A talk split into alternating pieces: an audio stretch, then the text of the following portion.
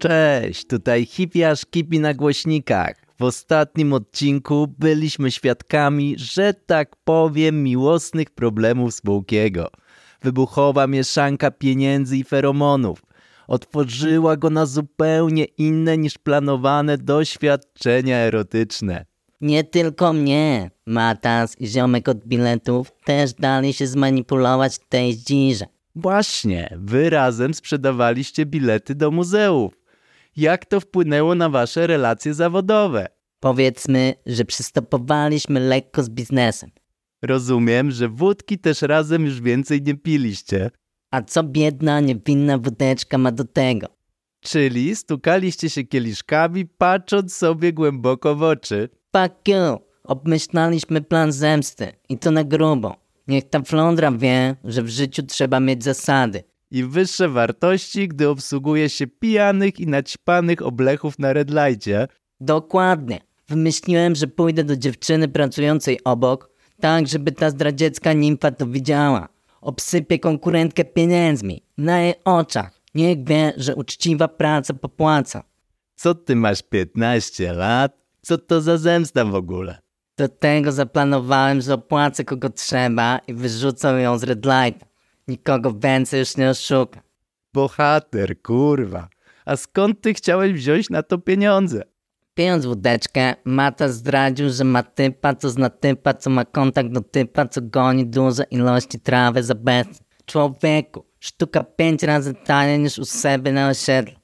A komu ty to sprzedać chciałeś? Parny jakich mało. Właściciel osiedlowego kopika żalił mi się, że stracił dostawcę i musi kupować zioło po zawyżonych cenach. Czaisz? I tu wchodzę ja cały na biało. Pieprzyć zemstę. Ja w tym widziałem sposób na życie. Biznesowe Eldorado. Czy takie interesy są w ogóle legalne w Holandii? Ani trochę. Legalizacja w Holandii to największa ściema ever. Nie istnieje. Mają depenalizację, zdaje się. Dokładnie. Czyli po prostu przymykają oko na handel ziołem. To była moja życiowa szansa. Sprzedaż biletów oswoiła mnie z ryzykiem. Postanowiłem, że zostanę hurtownikiem i kupię 5 kilo na start. 5 kilo? Słowo rozsądek coś ci mówi? Czepiasz się. Stawiałem na dyskrecję. Polityka zero przypału. Pozostawało jeszcze tylko skołować kapitał inwestycyjny. Czyli pieniądze na startowe 5 kilo. Dokładnie. I znowu fart. Wracam z tej popijawy, ledwo na oczy widzę, a tu jeb ulotka prosto w ryj. Pożyczki od ręki bez poręczycieli. Wydrukowane na zwykłym A4. Oszczędzają na reklamie, to i na pożyczki ich stać.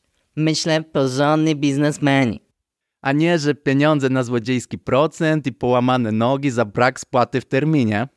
To już pomyślałem, gdy dostawałem od nich kasę. Człowieku, takiego gangusa to ja nawet w filmach nie widziałem.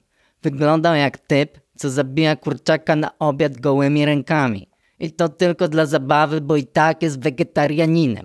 No kurwa kontrast w każdym calu. Garnitur Armani na ciele, a w oczach rządza mordą. Wiedziałem, że biznes się musi udać. Dosłownie, nie było innej opcji. No i co, wszystko szło zgodnie z planem? No co ty? Dałem ten hajs kolesiowi od Matasa, a zioła jak nie było, tak nie ma. Ja panika, dzień spłaty nadchodzi, od tygodnia słyszę, że jutro będzie. Jednym słowem sytuacja w stylu ja pierdolę. E, to takich transakcji nie robi się z ręki do ręki? Pieniądze za towar? Robi się. Chyba, że robisz tą transakcję nastukany, po kilku piwach i Bóg wie jeszcze czym. Czekaj, czekaj, dałeś obcemu chłopu pieniądze z góry za 5 kilo jarania? Myślisz, że aż tak głupi jestem? Okazało się, że ten koleś od Matasa to mój daleki krewny. Mieliśmy tą samą ciotkę, czy wujka, stryjka, kurwa, świat jest mały. Swój chłop. Najebaliśmy się od razu. I on mi tekstem wali. Mi kuzynowi mordo nie ufasz? Daj mi hajsik, jutro jestem z towarem. Smoki, jestem pod wrażeniem. Mało kto umiałby to tak koncertowo spierdolić. Mógł to nie być najbardziej rozważny ruch z mojej strony. Przyznaję, działałem w afekcie. Branżowym chyba. Żeby to odkręcić, zastosowałem slogan Wyłącz melanż, włącz myślenie. Ciut za późno chyba. Nigdy nie jest za późno. Postanowiłem, że jak rasowy bandzior spieprzam do Meksyku. Ja tu też innej opcji nie widzę. Tak samo pomyślałem, aż wytrzeźwiałem do końca i przypomniałem sobie, że dałem dowód i paszport depozyt. Nieźle. Jakieś zastępcze dokumenty, cokolwiek? Chciałbym. Była sobota, a spłata długu w niedzielę o dziesiątej. Myślę, pierdolę, dzwonię do chłopa, tego mojego kuzyna całego. Mówię, że zabiją mnie, jego i jeszcze naszą ciotkę pewnie dojadą. Do piątego pokolenia. Coś w nim pękło. Umówiliśmy się na niedzielę rano. Spóźnił się, ale dał mi worek wypełniony zielem.